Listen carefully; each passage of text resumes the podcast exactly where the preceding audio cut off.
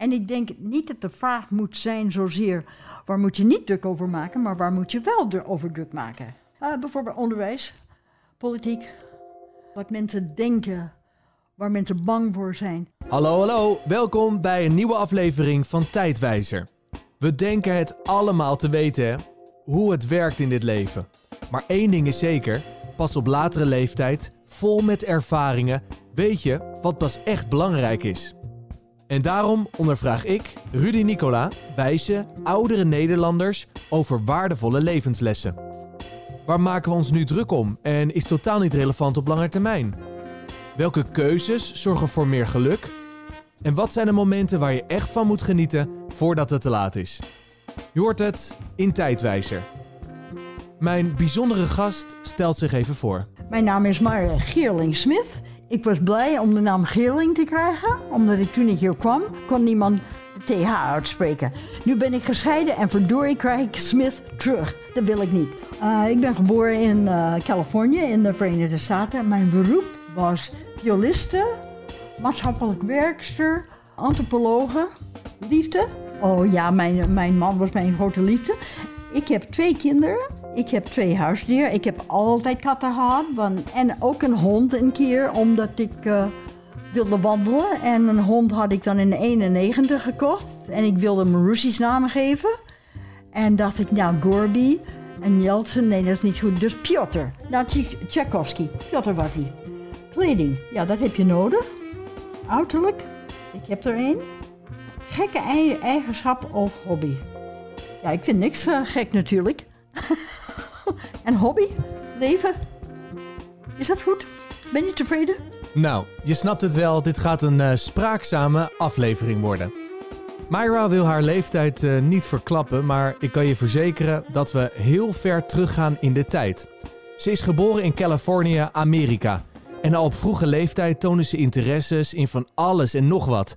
Ze verslond National Geographics, maar probeerde ook andere dingen uit. En ik veronderstelde dat ik ook orgel kon spelen. Dat, ik was ervan overtuigd dat het kon. Dus altijd zelfoverschatting, of in ieder geval heel veel vertrouwen in wat ik kon. Wat ik wilde, kon ik. En is dat altijd gebleven? Eigenlijk wel, ja. En als het niet zo blijkt, dan heb ik altijd een plan B. Oh, dus je goed. komt er altijd. Ja. En in eerste instantie had ze plan B niet eens nodig. Ze had één droom: in een orkest spelen als violiste. Maar daarvoor moest ze zeker in die tijd een spannende stap zetten. Ze vertrok naar Europa. Er waren niet zoveel orkesten in uh, Amerika waar je dan het hele jaar lang van kon leven. Dus ik dacht, jee, wat ga ik doen? En ik had geen, niet genoeg geld om naar New York te gaan. Ik had van een concertgebouworkest gehoord. Ik wist natuurlijk dat Parijs het einde van de wereld was. Ik dacht, ik ga naar Parijs, ik ga naar Europa. En Europa, dat besef ik nu pas. Europa in mijn hoofd was wat wij nu kennen als West-Europa. Ik durfde niet naar Parijs alleen te gaan. Ik dacht, dat is zo eng. En ze praten dan Frans. Ik dacht, Parijs valt af. Amsterdam had ik van gehoord. Ik dacht, nou, daar is vast wel. Met zo'n orkest moet er een goede docent zijn. Dus ben ik in contact, hoe, weet ik niet, met iemand die in Amerika werkte. Een concertmeester die dan later naar Nederland kwam, terugkwam. En hij zei, je moet een cv sturen naar professor Bak. Dus dat deed ik. En toen schreef hij terug, kom maar.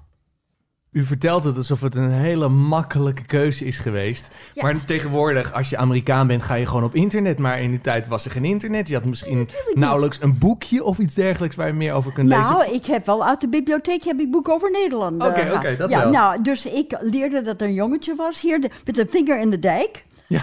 ja. Spaardam. Er, wa- er, waren, er waren twee, eh, bij Haarlem, bij jou in de buurt dacht ik, ja. Ja. er waren twee boeken over Nederland en die gingen dan over de eh, Zuiderzee, die niet eens meer bestond. Nee. Er was niks, nee. Nee, en ik wist, het, ik wist dat het hier, dat er molens hadden, mensen liepen op klompen en dat het schoon was en dat ze Engels spraken. En ik wist dat ze een mooi orkest hadden. Ja. Hoe, en, en hoe is het dan om als jongeling te integreren in Nederland? Iedereen vond het geweldig dat ik uit Amerika hier naartoe kwam. Ik dacht, ja, dat moeten jullie dan zelf weten. ik bedoel, maar dit gevolg was dat ik helemaal, voor mijn gevoel, heb ik niet in, ben ik niet ingeburgerd. Als ik mijn mond hield, wat, dat zou je merken, dat is moeilijk. Eh, niemand wist dat ik niet Ne- Nederlands was. Want eh, ja, je zag een beetje hetzelfde uit, behalve dan dat ik wel wat kleur had van nylon en van eh, dat soort dingen.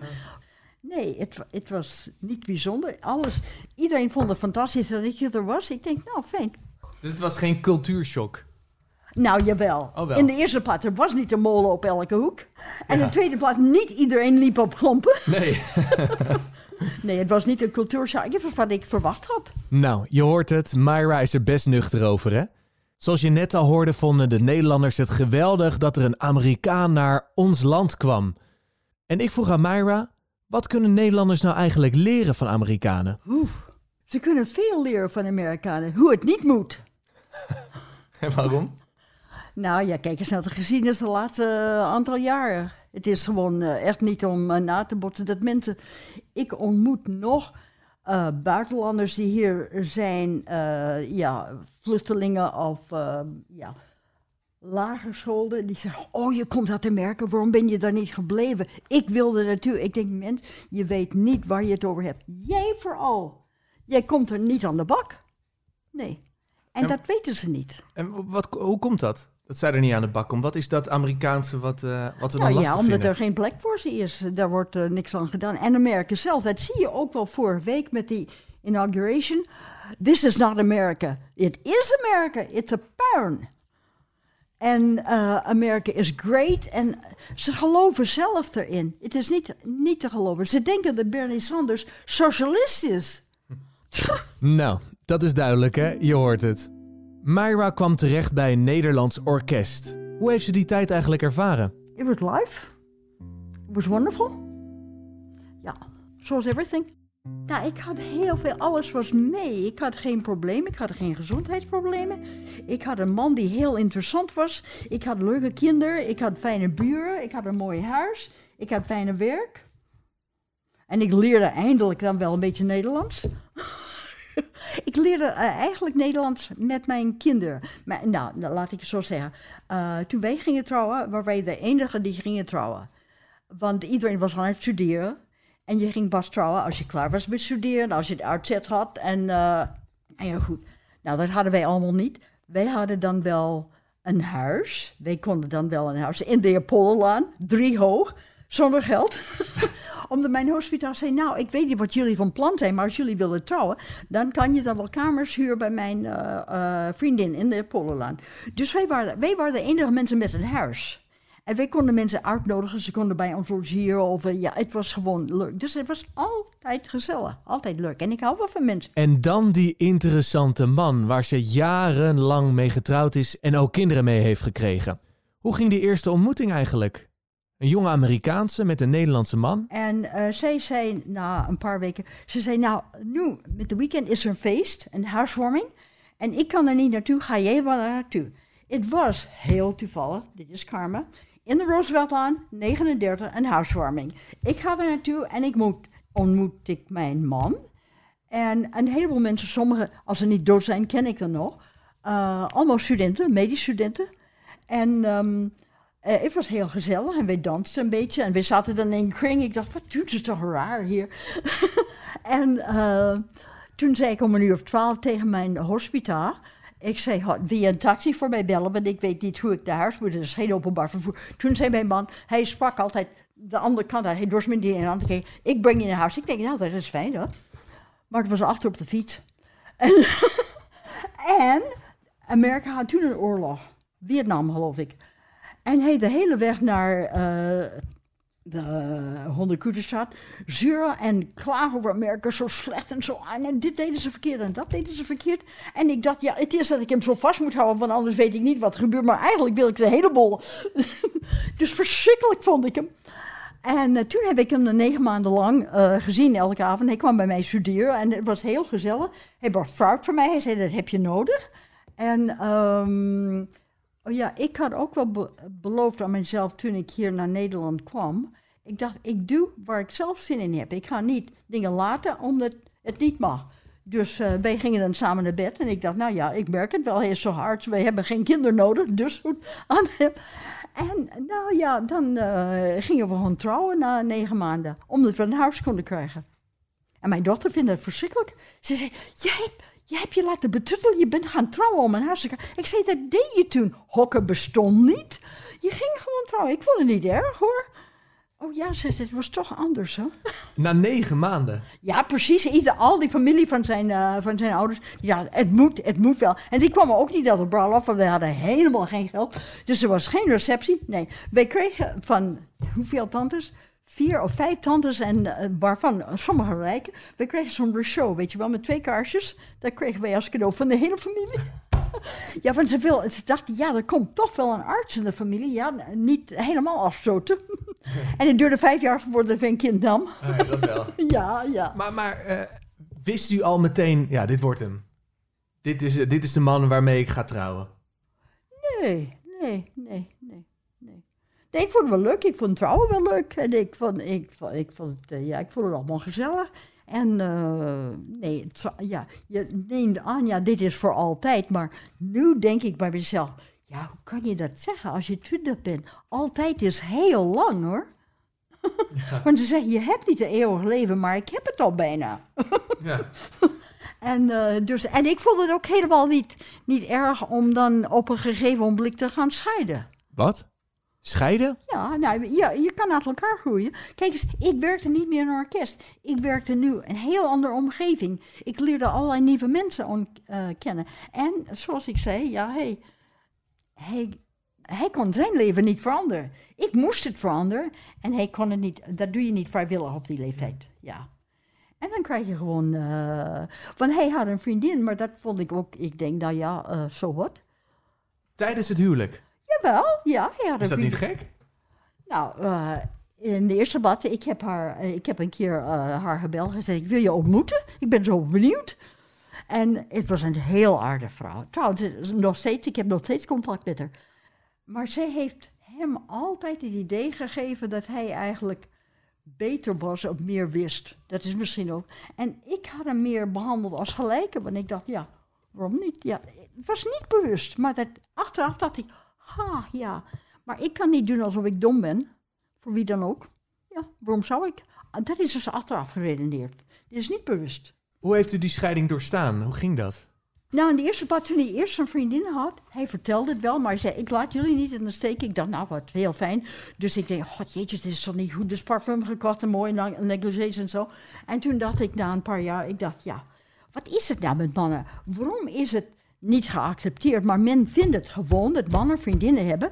En vrouwen, als die dat doen, dan is het slecht. En ik werkte toen eh, nog in het orkest. Ik dacht, ik ga het zelf proberen. Spannend, joh. Ja? Ja, Hoe ging dat dan? dat is, dat, is- nou, dat, dat je met, met iemand anders naar, naar bed gaat en zo. Ik dacht, god, dit, ik begrijp wel waarom die mannen dit doen. maar ja, ik wilde dan in het begin, ik wilde ook niet scheiden. Ik vond ook dat hij een vriendin had, vond ik geen reden om te gaan scheiden. Nee? Waarom? Nee, helemaal niet. Waarom? Nou ja, andere vrouw in zijn leven. Ja, nou, zo wat. Ik had toen ook wel andere mannen in mijn leven. Ik vond het geen reden om te gaan scheiden. Ik wist ook niet precies hoe die regels, de wetten hier waren. Ik dacht, stel je voor dat ik het land uitgezet word of zo. Ik dacht, en dit was makkelijk. Ik bedoel, geld zat. Ik mocht doen wat ik wilde, wat ik toch altijd deed. Hij ook wel. Hij woonde thuis. En eh, nou ja, het was op een gegeven ogenblik, ja, nadat ik dus eh, ging studeren, dacht ik, nou, ik vind het eigenlijk niet prettig. Jan woont hier en hij is hier wel eens en wel eens niet. Ik, ik vond het geen leuke situatie. Ik dacht, nee, de, de- hier moet een eind aan komen. We moeten duidelijk weten, hij hoort dan er, wij horen niet bij elkaar. Dus zijn we gaan scheiden. En hij vond het... Hij, hij was zo'n goede man, hè. echt goed opgevoed door zijn ouders. Eh, hij dacht, als twee gaan scheiden, is er een schuldige. Ik denk helemaal niet, maar ja, goed. En dus goed. En eh, één is goed en die is slecht. Het was zwart-wit. En hij was, hij was niet boos dat we gingen scheiden, maar hij was boos op mij. Dat was niet zo leuk. Ik bedoel, voor hem, voor de hele familie was het niet leuk. Ja, ik weet het niet. Het was niet. Voor hem was het echt niet leuk. En ik dacht, ja, wat, ik kan er ook niks aan doen.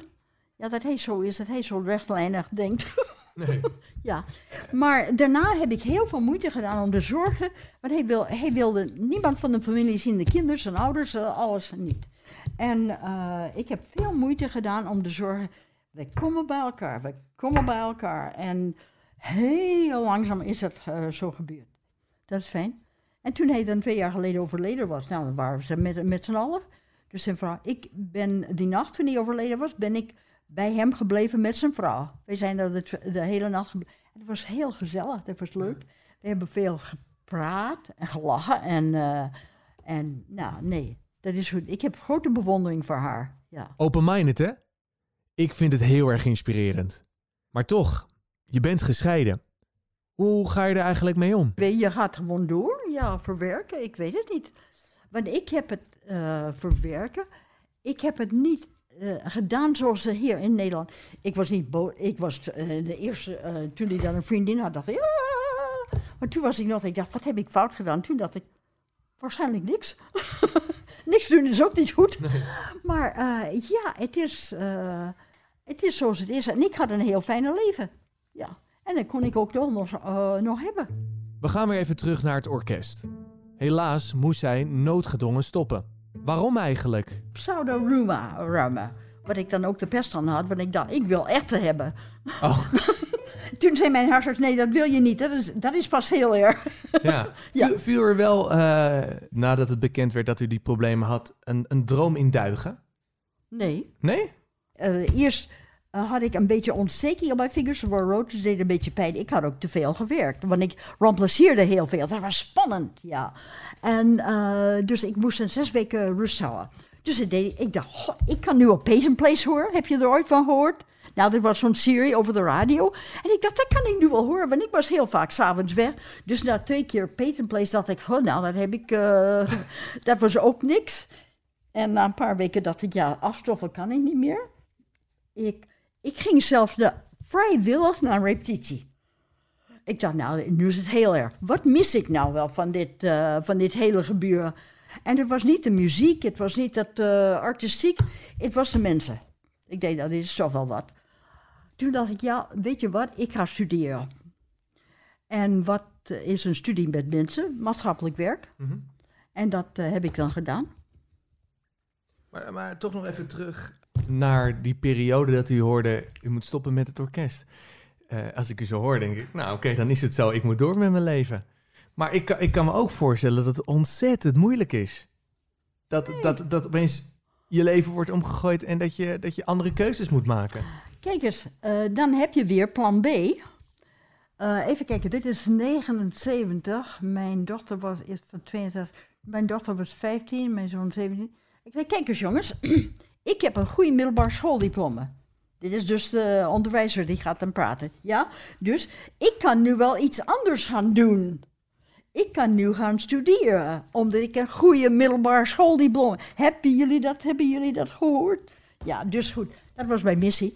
En eh, ja, zo, zo ging ik dat dan wel doen. Ja. En als we het dan over plan B hebben, je hoort ook veel eh, bekende ondernemers zeggen, ja, ik had geen plan B, ik had alleen nog maar plan A. Maar als ik uw verhaal hoor, is het best wel belangrijk om altijd een plan B eh, ja, in de natuurlijk, je moet, achterzak te altijd, hebben. je moet altijd... Ik had het plan niet, maar dat plan eh, heb ik gemaakt dan. Ja, je moet altijd plan B hebben. Dat zeg ik ook tegen de kinderen. Ja. Waarom is dat zo ontzettend belangrijk? Want plan B kan misschien ook wel heel erg afleiden. Dan is de noodzaak er niet om plan A te bereiken. Er zijn zoveel dingen die ik kon doen. Dus eh, ja, dus plan A, dat was niet zozeer een plan. Ik heb gewoon altijd viool gespeeld, dus dat doe je dan. Maar eh, ik dacht, nou ja, goed, dan ga ik dit wel doen. Toch was ze niet helemaal tevreden met maatschappelijk werk. Ze wilde meer. Toch, Myra? Nou, ik was niet eh, tevreden met de studie. Want ik vond, ik vond die atmosfeer, dacht ik, "Ja, jakkes, nee. Ik wil een beetje uitdaging. En, en ook als maatschappelijk werker kon je niks doen voor die vluchtelingen waarmee ik werkte. Dus toen dacht ik, nou, ik ga nu wel, ik wil wat meer weten van hun cultuur. Dus daarom antropologie. Ja. En dat was echt een superkeuze. Dus ik dacht, ja, dat wil ik dan wel. Want ja, ik, ik vond het wel leuk. Je koos dan in, eh, in de antropologie, je koos een eh, continent. Ik koos Afrika, want ik werkte met Afrikaanse vluchtelingen. Je kon ook kiezen een onderdeel, politiek. Ik koos vrouwen en politiek. En mijn eh, stuk van de wereld was, eh, wat is het, Oost-Afrika. Dus eh, Ethiopië en Eritrea en Sud- Sudan. Dus dan ben je al beperkt. Dus ik weet helemaal niks van Brazilië bijvoorbeeld. En ik moest wel lachen, want we hadden wel van die schattige meisjes die waren net klaar met de VWO. Nou, oh ja, en wat ga je doen wel voor je onderzoek? Nou, ik ga, ik ga naar de Amazone even met die Indianen werken. Ik denk, god ja, als er hier naast een Turk in de tram zit, dan krijg je al de wibbers. Dat is toch erg, hè? En, en, en wa- wat heeft u uiteindelijk overgehouden aan die, aan die studie? Alles. Echt, zoveel. Ik merk de noodzaak dat iedereen zo'n maatschappelijk werk, maats, maatschappijleer moet verplicht worden op alle scholen hier. Oh ja? ja? zeker. Eh, en de mensen, daarom vind ik het zo fijn dat eh, mensen in Nederland, in Europa, overal kunnen studeren. De grenzen zijn weg. Ik ben Europeaan. Ik heb ook nooit een Nederlands paspoort genomen. Nee, ik heb gewacht op de ID. ja, eh, dat, dat is dus wat ik heb overgehouden. Ja. En wa- waarom is het dan zo belangrijk dat, er, dat iedereen iets maatschappelijks doet of iets leert over de maatschappij? Ja, omdat we, God, de wereld zit vol met vreemde mensen. Ja, iemand met een ander interesse dan ik, iemand met een andere schoolopleiding, iemand met een ander ehm, eh, salaris of inkomen. Dat zijn zoveel, er zijn verschillende mensen hier. Daar moet je leren omgaan. Ja. Ja, en daar kan je van leren ook. ja, want wat heeft u geleerd in die periode waardoor u anders bent gaan kijken naar de mensheid? Nou, eigenlijk heb ik geleerd wat ik altijd dacht dat waar was. ik denk niet dat ik zoveel nieuws heb geleerd. Ik werd gewoon bevestigd in mijn vermoedens. Dat eigenlijk. Nee, het is, dat heb ik geleerd van mijn kinderen. Ik zei tegen ze: Jullie kunnen met iedereen opschieten, met iedereen mee omgaan. Ja, zei ze, maar iedereen heeft wel iets waarmee je samen kan.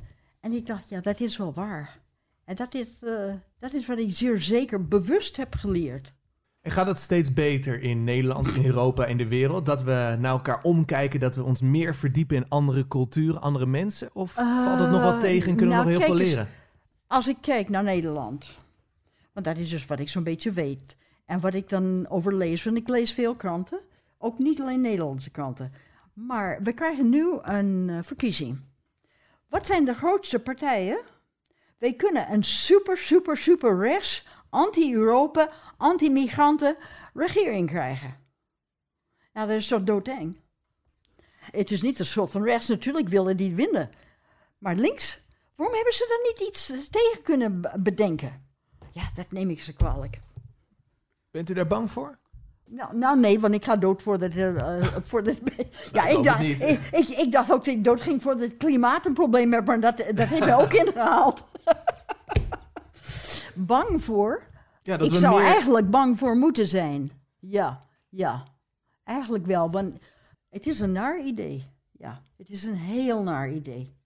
Voor anders zijn, voor ander ras, een ander kleur, ander denken, ander een andere cultuur. Dat je daar bang voor moet zijn, dat je dat, dat niet goed moet vinden.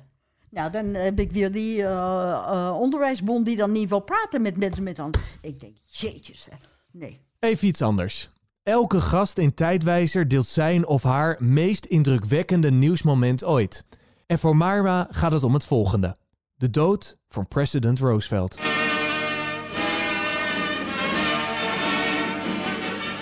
mortal remains of Franklin Delano Roosevelt, President of the United States during the long trial of war and the best American friend Britain ever had, are borne to the White House. Here the body lies in state. At the Roosevelt home in Hyde Park, the late president goes to his last resting place in a garden. Eh, ja, hij was mijn eerste president. Hij is ook in 32 is hij dan gekozen of is hij president geworden. En ook met heel veel eh, problemen, dat wist ik toen ook niet. En wij hadden, zoals ik zei, op de lagere school, als er verkiezingen waren, van hij vier keer is hij gekozen. Hebben ze ook de wet daar, daar, daarom veranderd. Maar eh, op de lagere school, dan hadden wij verkiezingen. Ik ging de hele nacht zitten, wachten in Kansas. Ik luisterde naar de uitslagen. Van, toen hoorde je dan meteen wat de uitslag was. Nu wachten ze tot het eh, Hawaii klaar is, geloof ik. Luister, en ik schrijf dan op wie, wie en wanneer heeft hij gewonnen. Ik wist precies welke states en hoe ze allemaal gestemd hadden. Ik bedoel, ik leefde ermee. Bovendien, Kansas is en was een republikeinse stad. En ik, met mijn broer die nauwelijks geboren was, en mijn tante, mijn vioolleraars, wij waren ongeveer de enige drie democraten in Kansas. En waarom ik democraat was, weet ik ook niet. Waarschijnlijk al uit eh recalcitrantie. Maar, maar in ieder geval, ja, Roosevelt, dat was het. Ja. Wat maakte hem zo goed? Nou, hij heeft Amerika in de oorlog geloodst. Hij heeft gezorgd dat ze erin kwamen. Achteraf bleek dat hij dat ook wel heel slinks gedaan heeft. Maar ja, goed, dat, dat moest. En ik, ik vond dat, dit, eh, da- dat dat goed was. Ik vond het wel heel fijn. En trouwens, en ik heb ook wel hier in Nederland op de Rooseveltlaan gewoond. Nou ja, goed. Dat is fate, karma. Toen overleed hij. Ja, precies. Wat voelde u toen? Nou ja, ik vond het jammer. Want ik wist ook niks van die Harry Truman.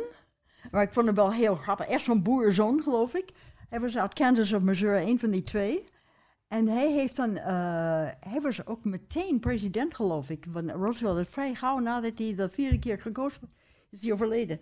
En heeft hij dan ook... ehm, de volgende verkiezing heeft hij tegen Dewey dan, eh, Dewey de Republican, zo goed. En de kranten hadden al gezegd, de kranten waren al gepubliceerd, Dewey wins. En Truman heeft gewonnen. En je zag een foto van hem met zo'n krant waarop staat, Dewey wins. Ik dacht, oh, dit is geweldig, dit is heel. Maar ja, ik dacht, wat Amerika doet is, het is gewoon goed. Niemand heeft dat ooit gezegd tegen mij. Dat viel mij zo op in Nederland. Eh, je vond als Amerikaan dat alles goed was. Ja, dat was gewoon normaal. Ja. En toen ontdekte ik hier dat dat niet zo normaal was. En dat het niet zo goed was. Ja, want eh, volgens mij bent u best wel eens kritisch geweest op de Amerikaanse politiek, of Ja, niet? zeker, zeker, zeker, zeker, zeker. En dat, is niet, en dat begon niet kritisch op Amerika, maar dan wel dat ik bewondering en ons, nou niet ontzag, maar dat ik dacht, zoals het hier gaat, is beter. Ja.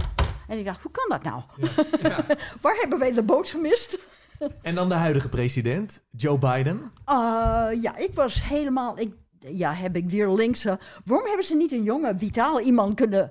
Dat, dat vond ik al eh, eh, vier jaar geleden. Wat doen ze daar allemaal? Wat een stel. En ik dacht, ja, ja, het is altijd beter dan wat we hebben. Maar ik vind, misschien is Amerika aan toe aan een beetje bezadigd, oude, rustig iemand. En niet zo'n jonge effervescent die zegt, nou, we gaan alles eh, anders doen. Nee, hij doet alles anders, maar toch, ja. Ik denk, ja, misschien is het toch wel goed. Misschien wordt het wat. Ja. En als hij doodgaat, dan eh, heeft hij dan een vrouw. Wordt Ja. president. ja. Zal zij de eerste vrouwelijke president worden van Amerika, denkt u? Ik weet het, ik weet het niet. Als hij doodgaat voordat hij eh, voor eh, de eerste vier jaar, dan wel. Ja. Ja. ja. Wat heeft Amerika nodig? Wat heeft ze nodig? Wat hebben ze heeft- nodig? ja. Meer partijen? Eh, moet ik zeggen? Meer openstaan voor andere ideeën. Meer kijken wat ander eh, niet. Ja. Leren van Europa. Van Europa eh, denken en filosofie en instelling van de mens. Dat, dat is wat ze missen, ja. Want kijk eens in Amerika kon je altijd zeggen, nou ja, het lukt mij niet, die, die boerderij van mij, dat gaat naar de. Sorry. Eh, ik, ga, ik ga naar het westen. Nu kan je niet meer naar het westen, want Amerika is vol. Dus nu moet je het zelf doen. En niet iedereen kan dat. En het was altijd, ja, als je mislukt, is het je eigen schuld. Het is helemaal niet je eigen schuld altijd als je mist. En dat weten ze hier wel heel goed. En dat weten ze nog niet in Amerika. Ja, en geloof me, we kunnen een podcast van vier uur vullen als we het over politiek hebben met Myra. Maar goed, we moeten door. Ik stelde Myra de volgende vraag. Waar moeten wij ons nou minder druk om maken? En ik denk niet dat de vraag moet zijn zozeer waar moet je niet druk over maken, maar waar moet je wel over druk maken. Ik denk dat dat heel belangrijk is, dat je daar over bepaalde dingen moet blijven druk over maken. En wat voor dingen zijn dat? Eh, bijvoorbeeld onderwijs, politiek, wat mensen denken, waar mensen bang voor zijn. Waarom zijn ze bang ergens voor? Ja, daarvoor moet je over denken. En niet gewoon je denken via een televisie, maar via ehm, goede bronnen en vergelijkbare bronnen. Mooi advies, hè? Gewoon druk maken om dingen die echt belangrijk zijn en maak gebruik van goede bronnen. Elke uitzending van Tijdwijzer eindigen we met de beste hit ooit gemaakt volgens de gast. En Myra is daar best stellig in. Beste liedje, ja, dat bestaat niet. Nee, Nee, natuurlijk niet. waarom niet? Nou ja, in de eerste plaats, een liedje is gemaakt naar omstandigheden. De omstandigheden van toen. En die omstandigheden veranderen, waardoor dat liedje, de wens naar een beter liedje of een ander liedje, dat verandert. Ik bedoel, eh, nou wil ik zeggen, Mozart is nog altijd fijn, maar ik denk dat als Mozart nu leefde, dat hij zeker anders zou schrijven. Dat ook wel.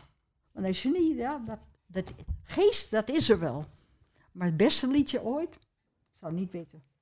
Toch heb ik eh, gevraagd om een keuze te maken en nu kwam met Mary had, had a Little Lamb. Ja, ik, kon, ik kon niks. Ja, maar dat is geen liedje hoor. Mary had a, uh, no, Mary had a little lamb.